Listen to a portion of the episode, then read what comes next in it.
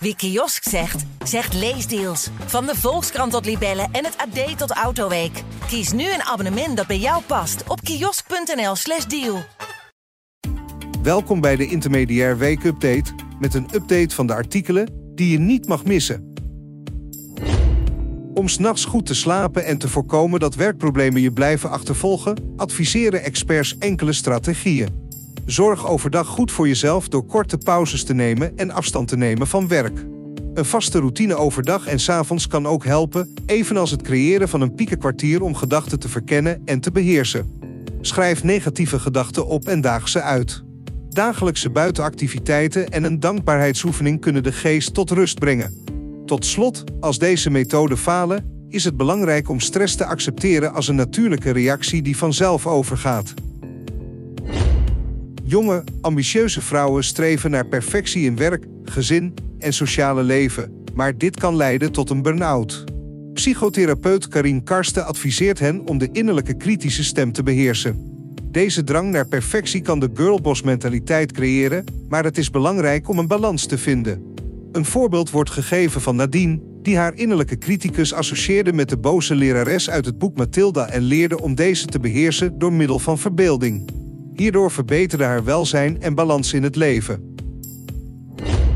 Na 12,5 jaar trouwe dienst wordt Tom, 32, door een reorganisatie ontslagen. Hij krijgt snel twee baanaanbiedingen en kiest voor de tweede, maar deze wordt plotseling ingetrokken. De situatie benadrukt het belang van zakelijk handelen in sollicitatieprocessen en het openhouden van opties tot een contract is ondertekend. Tom vindt later een derde aanbod en accepteert het pas nadat het contract is ondertekend. Het verhaal benadrukt de complexiteit van solliciteren en het belang van rationele beslissingen in zakelijke contexten. LinkedIn, het zakelijke sociale netwerk, is in de afgelopen 20 jaar aanzienlijk veranderd, met gebruikers die steeds persoonlijkere berichten plaatsen, vergelijkbaar met Facebook. Deze verschuiving naar het persoonlijke is vooral merkbaar geworden sinds de coronapandemie, waarbij de grens tussen werk en privé vervaagd is. Hoewel sommigen klagen dat LinkedIn te veel op Facebook lijkt, adviseren experts om het platform te zien als een online conferentie en om oprechte, hartelijke berichten te plaatsen die anderen kunnen helpen. Bespaar geld door kritisch te kijken naar verzekeringen en abonnementen, beperk dagelijkse uitgaven door wekelijks boodschappen te doen en let op aanbiedingen. Minimaliseer gas, energie en waterverbruik en houd overzicht van uitgaven om onnodige kosten te vermijden.